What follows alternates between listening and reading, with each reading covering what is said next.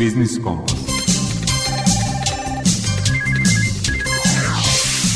Biznis Kompas.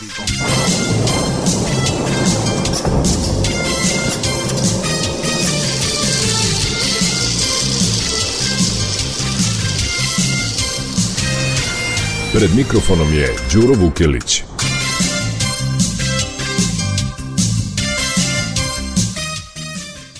Dobar dan poštovani slušalci. Posle dve nedelje praznovanja vraćamo se Biznis Kompasu u formatu na koji ste navikli. U pet stalnih rubrika govorit ćemo o temama koje će, verujemo, zaokupiti vašu pažnju i u narednih 50 minuta. Ukratko iz sadržaja.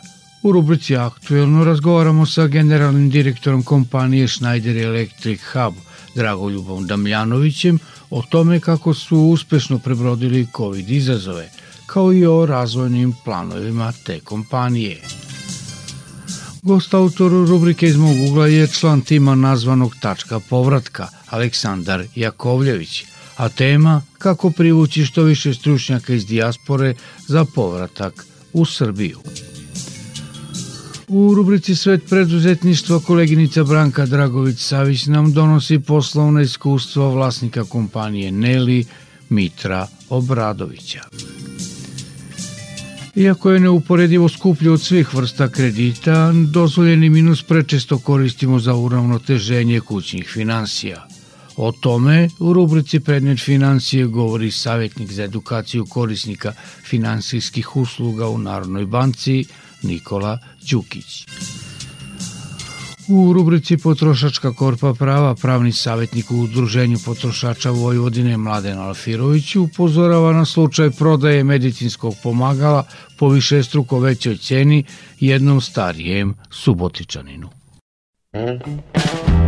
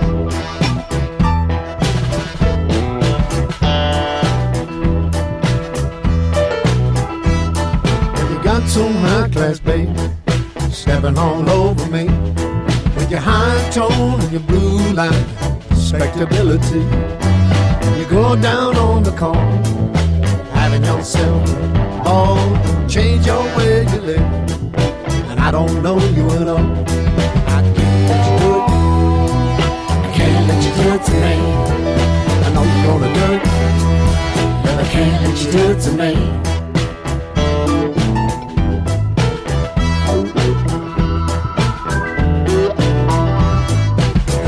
shine no more, and the blue sky don't appear. The rain fall, don't fall no more. I really don't think you care. You got so wrapped up, baby, in everything you do. Been putting on the dog, you know, and I mean you. I can't let you do it.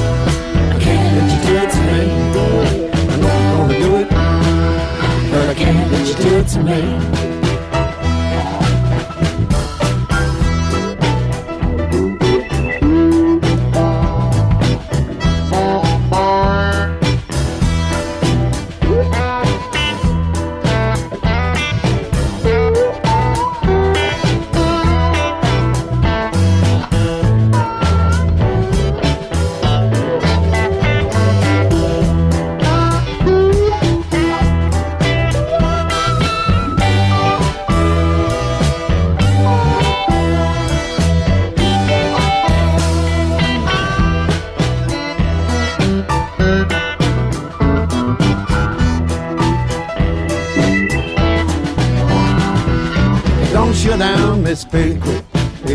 You down real soon. Gonna find yourself out on the street looking for another room.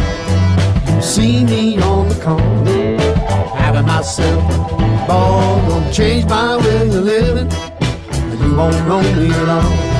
I can't let you do it. I can't let you do it to me. I know you're gonna do it, but I can't let you do it to me.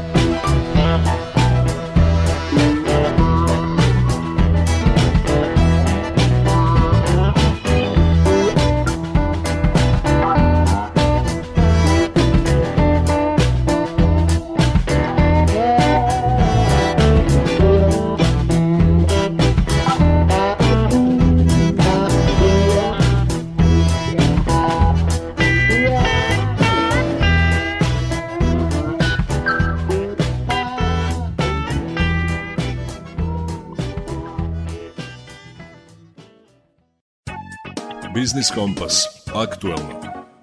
Od izbijanja pandemije COVID-19 prošle su bezmalo dve godine i pojmovi poput rada od kuće ili lockdowna postali su svakodnevica u ekonomiji. Generalnog direktora kompanije Schneider Electric Hub Dragoljuba Damljanovića pitali smo kako su se prilagodili novim uslovima života i poslovanja.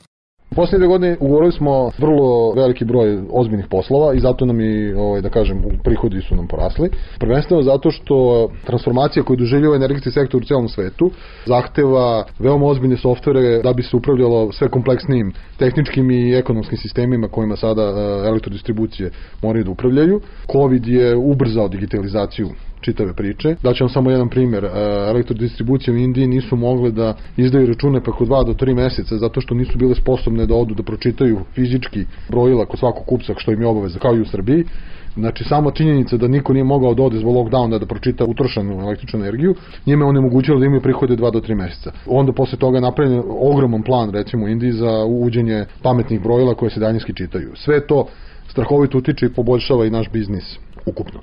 To je slučaj u Srbiji. Da, i ovde distribucije su uvidele kako treba da se transformišu, ne samo zbog covid nego i zbog toga da bi bile sposobne da prihvate veoma veliki broj budućih obnovljivih izvora koji će biti instalirani po kućama, što je sada po zakonu u Srbiji dozvoljeno.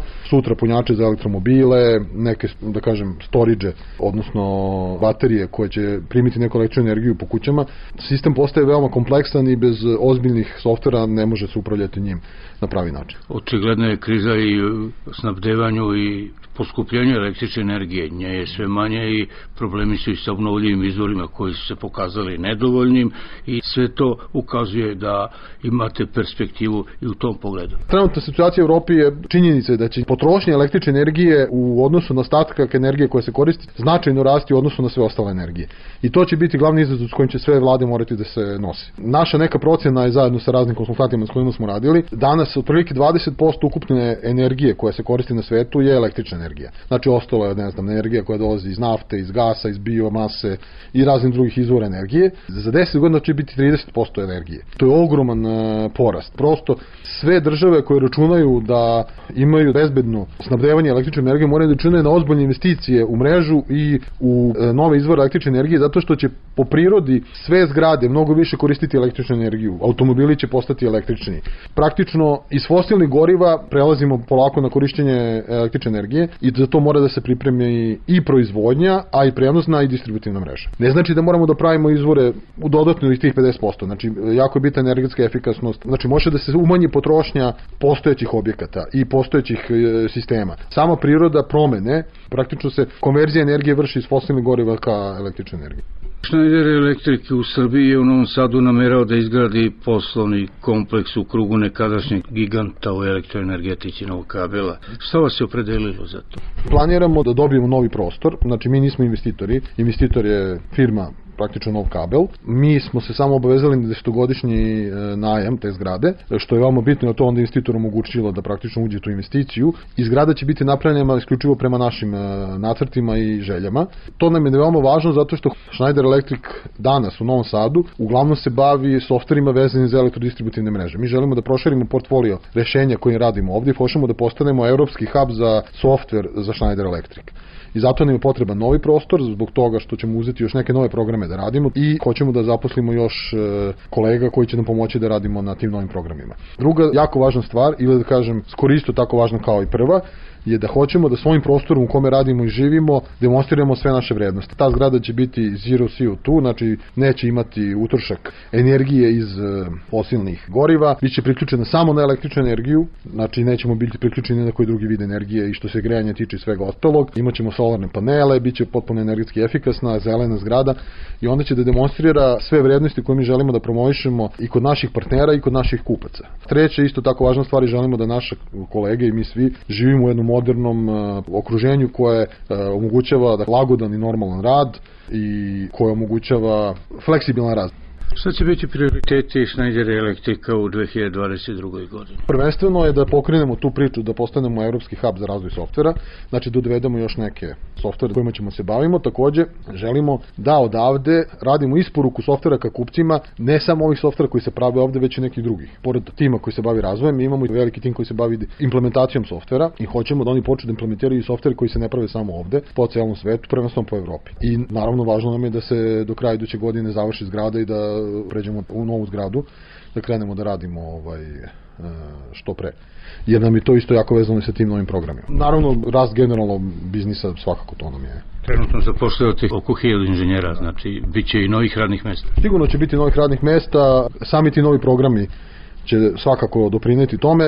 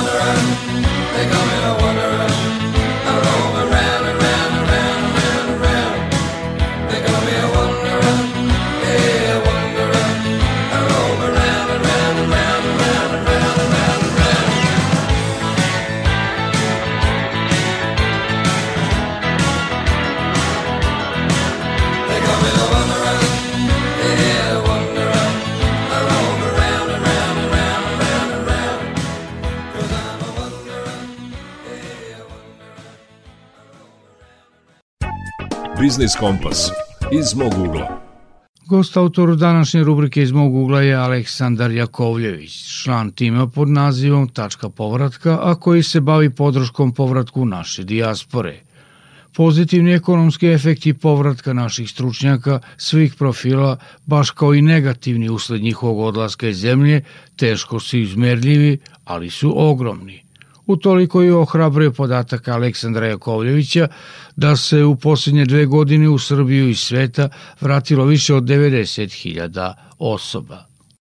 Program Tačka povratka osnovan je krajem 2019. godine na inicijativu organizacije iz dijaspore, tačnije organizacije Srpski preduzetnici iz San Franciska i Srpskog City kluba iz Londona koji su izložili, e, došli sa inicijativom da je potrebno osnovati telo koje će nam drugačiji način pristupiti našoj dijaspori, koja će se na jedan kreativni, inovativni način baviti podrškom povratku, prvenstveno visoko obrazovane dijaspore u Srbiju, ali i na drugi način raditi na razvoju veza sa našim ljudima u inostranstvu koji možda žele da ostanu kroz neke vidove dodatne naučne, kulturne i druge saradnje i investicija.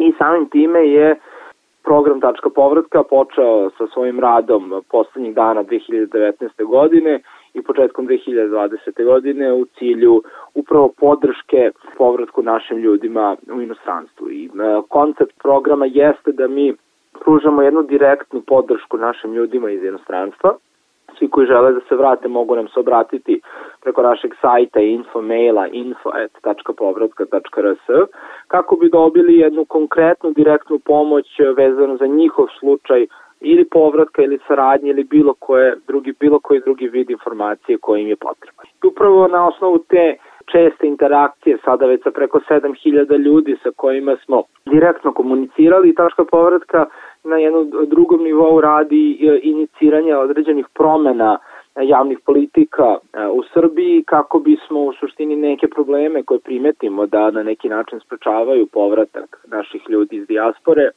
ili postoji neka nedovoljno iskorišćena mogućnost da kroz izmene propisa i izmene prakse i javne uprave i saradnje sa privatnim sektorom da u stvari izmenimo tu praksu kako bi se olakšao put naših ljudi u Srbiju. I najznačajnije izmene tog tipa su upravo poreske olakšice koje su usvojene za povratak, za zapošljavanje u stvari povratnika, gde je od marta 2020. godine omogućeno da svi povratnici koji su studirali u inostranstvu ili radili najmanje dve godine u inostranstvu imaju pravo na poresku olakšicu od 70% u trajanju od 5 godina.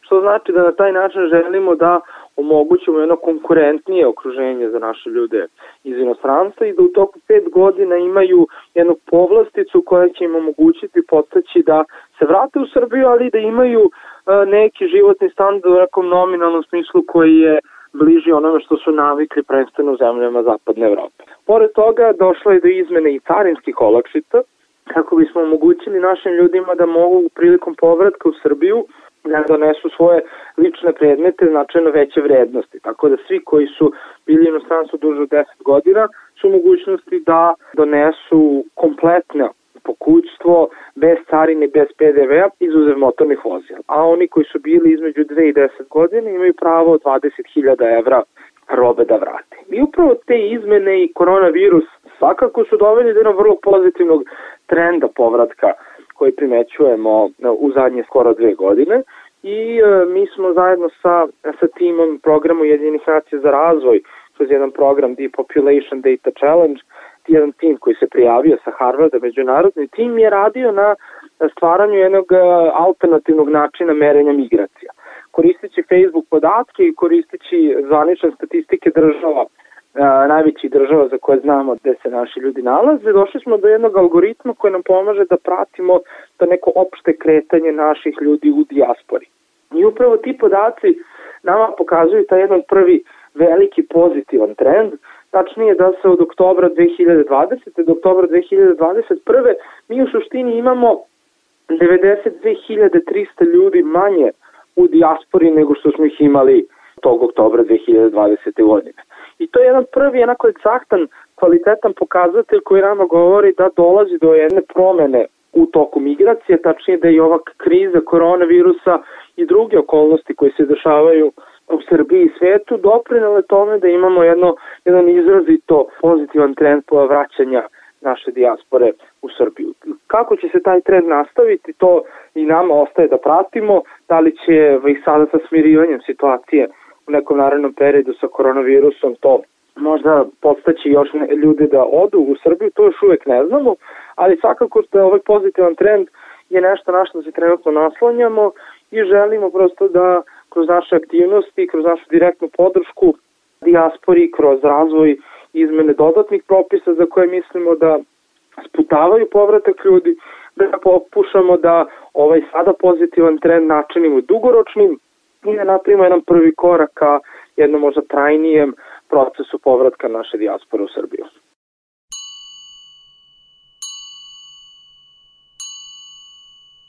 Our life together is so precious. Together we have grown. We have grown.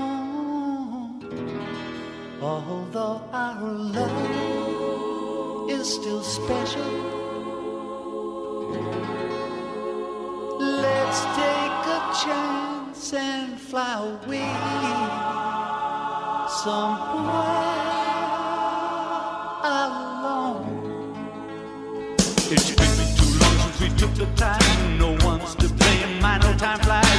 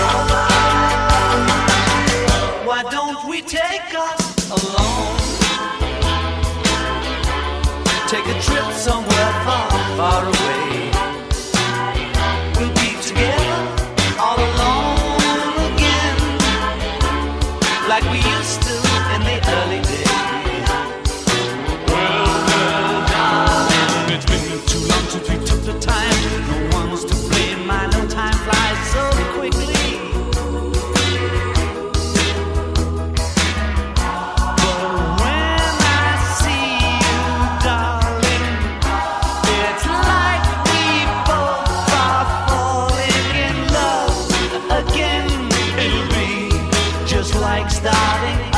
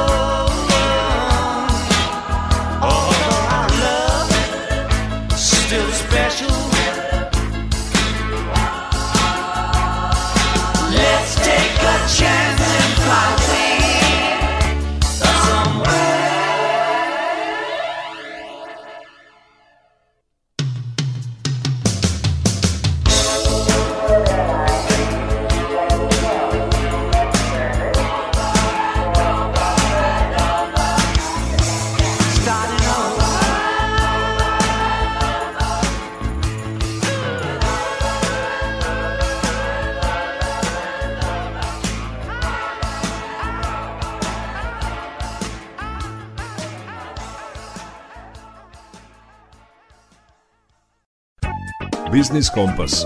Svet preduzetništva. Više od trećine malih i srednjih preduzeća na Zapadnom Balkanu je privremeno zatvoreno u prvom naletu pandemije, pokazuje aktualno istraživanje koje su sproveli Evropska investiciona banka, Evropska banka za obnovu i razvoj i Svetska banka. Kompanija Neli nije bila među njima, a njen vlasnik Mitar Obradović objašnjava kako mu je polazilo za rukom da ulaže u proširenje proizvodnje čak u periodu COVID krize. Prvi put smo aplicirali 2011. godine, tada smo radili preko Iberdija. Drugi put smo radili sa Evropskom investicijom bankom 2016. godine, kada smo dobili oko 3,5 miliona eura. Tada smo milion eura dobili preko Evropske investicijne banke. I treći put, isto nam je tada jako puno značilo, smo ušli u proizvodnju e, čokolada. E, I treći put smo investirali za vreme pandemije, to je 2020. godine u aprilu, 2 miliona i 300 hiljada eura.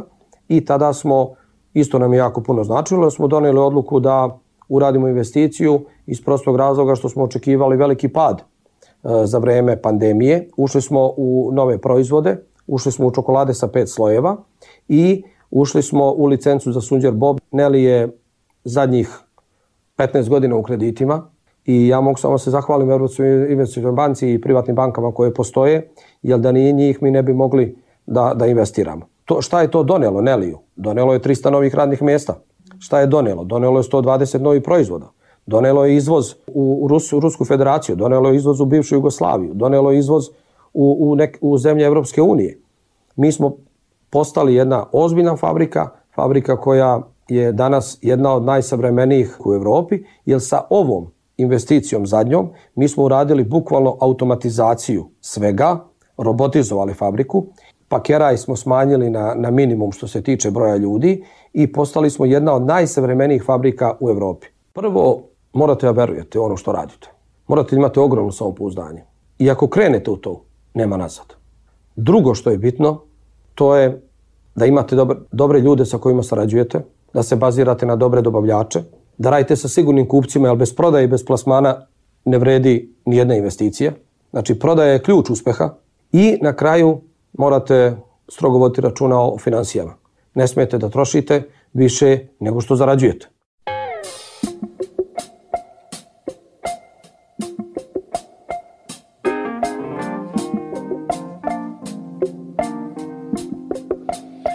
I can't stand the rain against my window,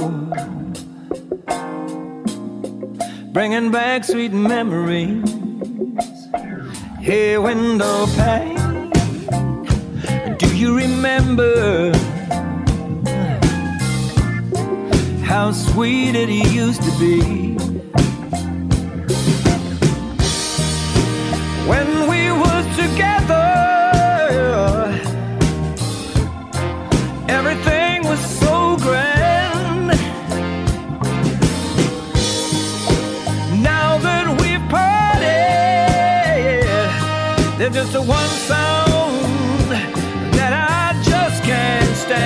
I can't stand the rain against my window bringing back sweet memories. I can't stand the rain against my window. Cause she's not here with me. Alone with my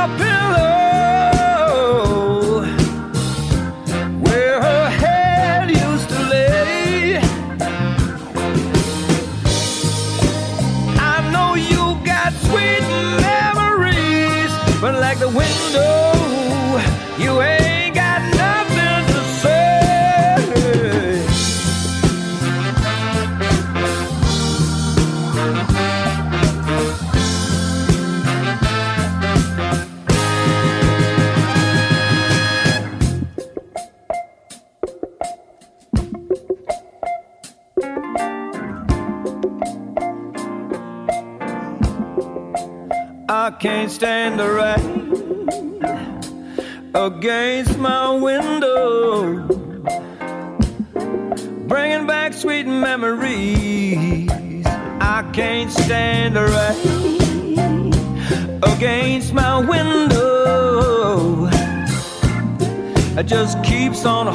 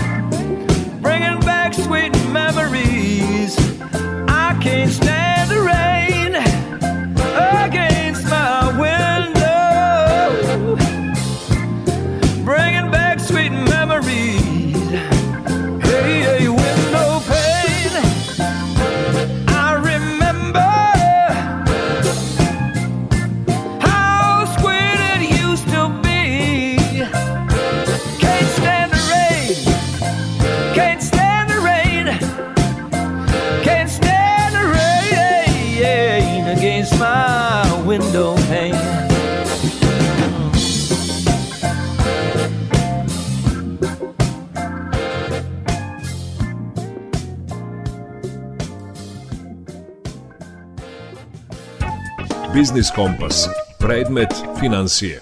Savjetnik u Centru za edukaciju korisnika finansijskih usluga u Narodnoj banci Srbije Nikola Đukić u današnjoj rubrici Predmet financije objašnjava zbog čega treba da koristite dozvoljeni minus na tekućem računu samo ako morate i na kratak rok.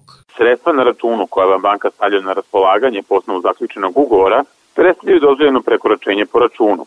Stoga, ako u toku meseca trošite više od onoga što zaradite, to jest od onoga čime raspolažete na svom tekućem računu, vi zapravo koristite sredstva koje nisu vaša, odnosno koristite dozvoljenu pozajmicu ili dozvoljeni minus po tekućem računu, zbog čega ste dužni da banci platite odgovarajuću kamu.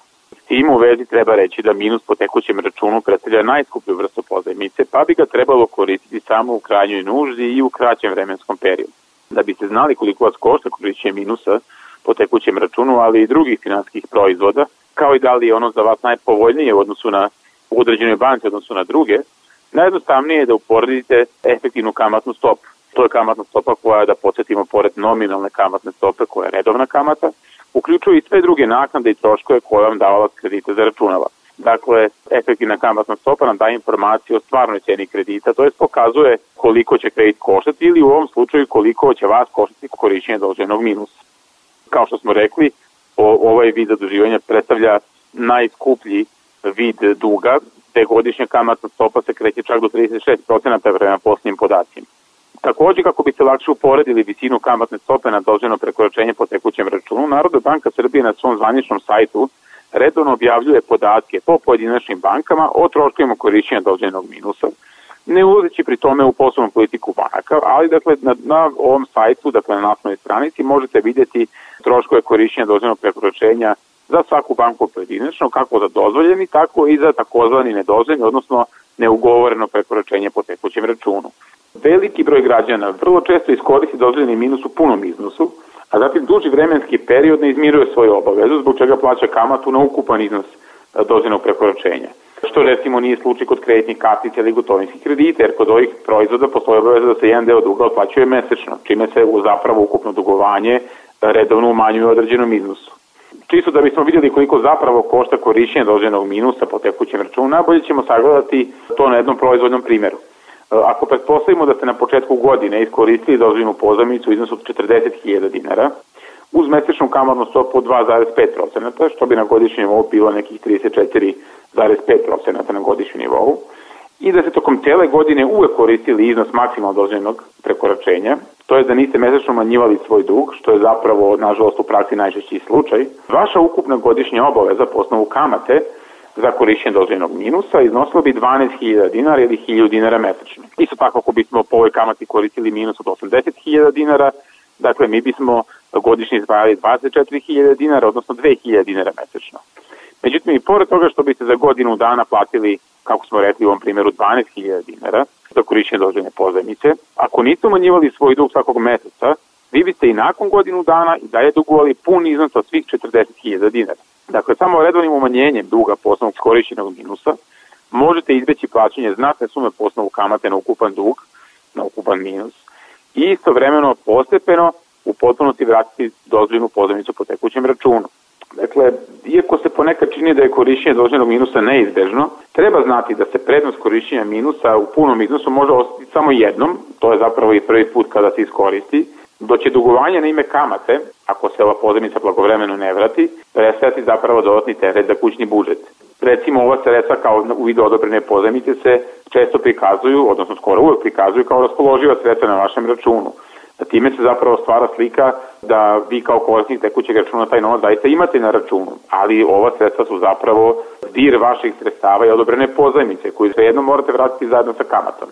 Takođe dešava se često da se iz dozvoljenog pređe u nedozvoljeni minus koji u pogledu troškova je još nepovoljniji. Na iznos nedozvoljenog minusa plaća se kamata koja je najčešće još veća od redovne kamate za dozvoljeni minus, što možete proveriti u pomenuti tabeli u kojoj smo vam pričali na sajtu Narodne banke Srbije. Sve u svemu, dakle, imajući u vidu sve što smo naveli, Narodna banka Srbije vas savjetuje da dozvoljeni minus po tekućem računu koriste samo u krajnjoj nuždi, da se prehodno upozne sa svim uslovima i troškovima korišćenja ovog proizvoda, ako ste već prinuđeni da koristite dozvoljeni minus, odnosno dozvoljeno prekoračenje, napravite da to bude samo na kraći vremenski period, jer ako dozvoljeni minus po tekućem računu koristite tokom dužeg vremenskog perioda, da rekli smo dakle vaš dug će se konstantno na ime kamata uvećavati, a osnovni dug, dakle iznos koji ste podelili će zapravo posle godinu dana biti isti. Zbog toga, ako već vidite da koristite dozvoljeni minus tokom dužeg vremenskog perioda, savjetujemo takođe da potražite savjet od vaše banke koji bi možda drugi finanski proizvod, na primjer gotovinski kredit ili platna kartica, za vas bio povoljniji umesto dozvoljenog minusa, da bi efekat korišćenja bio isti, ali sami troškovi daleko niži od ovih koje smo govorili vezano za dozvoljeni minus.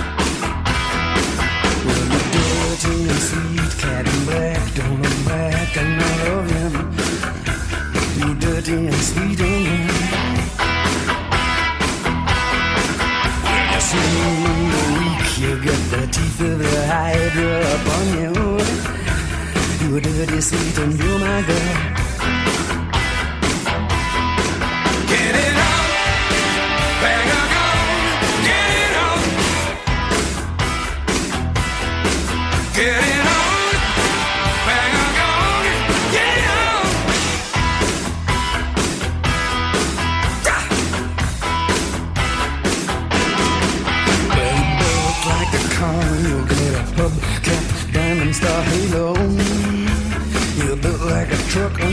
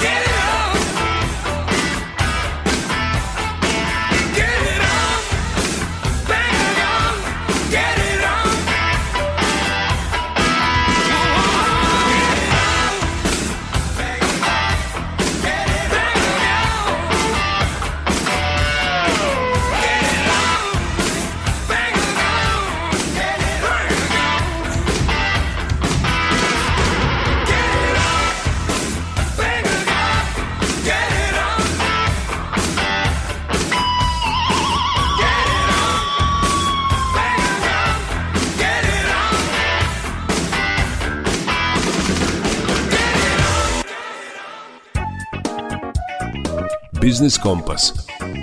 Potrošačka korpa prava. Pravni savjetnik u Udruženju potrošača Vojvodine Mladen Alfirović upozorava na jedan u nizu slučajeva prodaje medicinskih pomagala po više struko većim cenama od tržišnih.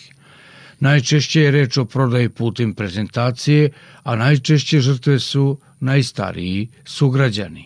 Pojava koju smo uočili, a koja zvuči praktično neverovatno, jeste da pojedinim trgovcima i prevarantima koji godinama obmanjuju najstarije građane i papreno im prodaju proizvode koji se samo nazivaju medicinska pomagala, nadležni organi još uvek nisu uspeli da, da stanu na put. Ova pojava je sve masovnija, a jedan u nizu je i slučaj potrošača penzionera iz Subotice koji nas je nedavno kontaktirao i koji je sa kompanijom BioBalance Medica Consulting koja je pritom u blokadi što smo naknadno saznali, sklopio ugovor o prodaji masažera koji navodno leči mnoge bolesti i to za cenu od čak 150.000 dinara.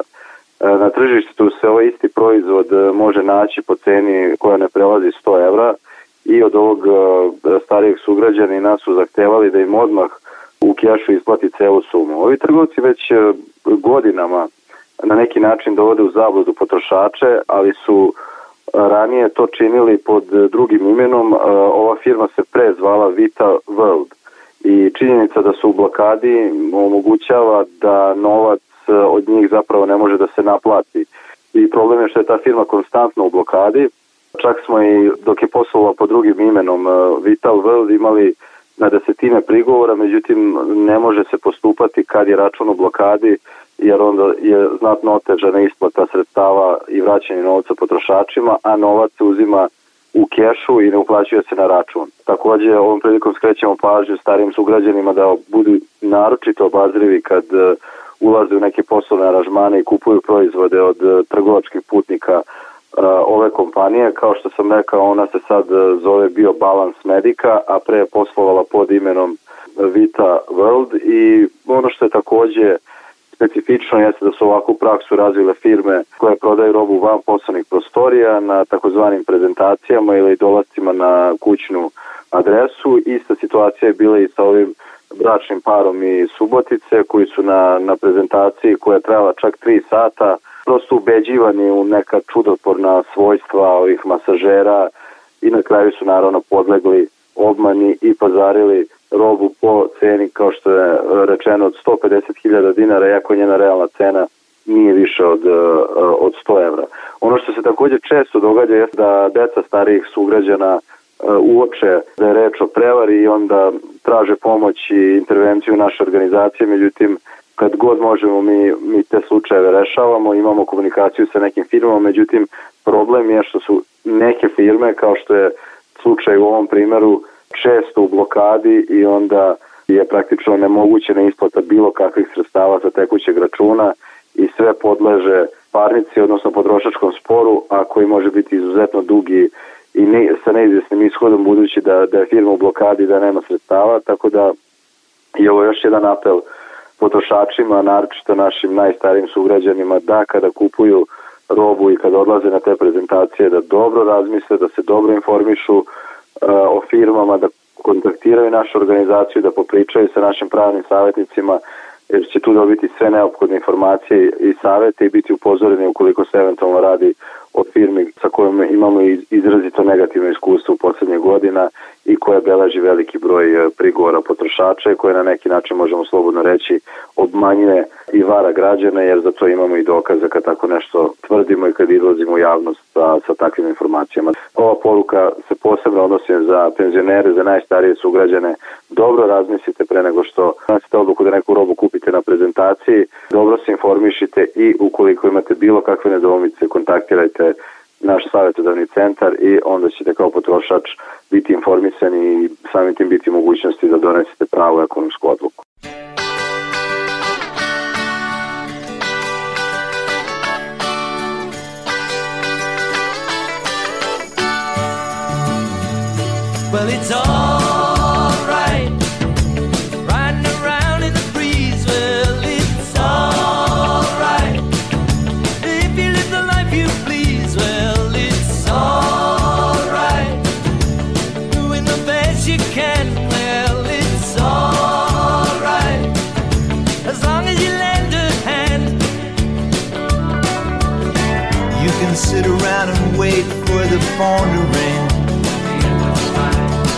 Waiting for someone to tell you everything. Sit around and wonder what tomorrow will bring. Maybe a diamond ring. Well, it's alright. Even if they say you're wrong, well, it's alright. Sometimes you gotta be strong. Somewhere to lay, well, it's alright. Every day is judgment day. Maybe somewhere down the road away. You'll think of me and wonder where I am these days. Maybe somewhere down the road when somebody plays The Purple Haze. It's alright. Even when push comes to shove, well, it's alright. If you got someone to love, well, it's alright. Everything will work out fine, well, it's alright. U današnjem Biznis Kompasu. Potpisuju ga muzički urednik Zoran Gajinov, ton majstor Milan Granić i urednik emisije Đuro Vukelić. Današnji Biznis Kompas kao i sve prethodne možete da slušate i odloženo na internet stranici Radio Televizije Vojvodine podcastu Odloženo slušanje. Pozdrav do idućeg utorka u isto vreme. Zdravi bili i čuvajte se. It's alright. Even if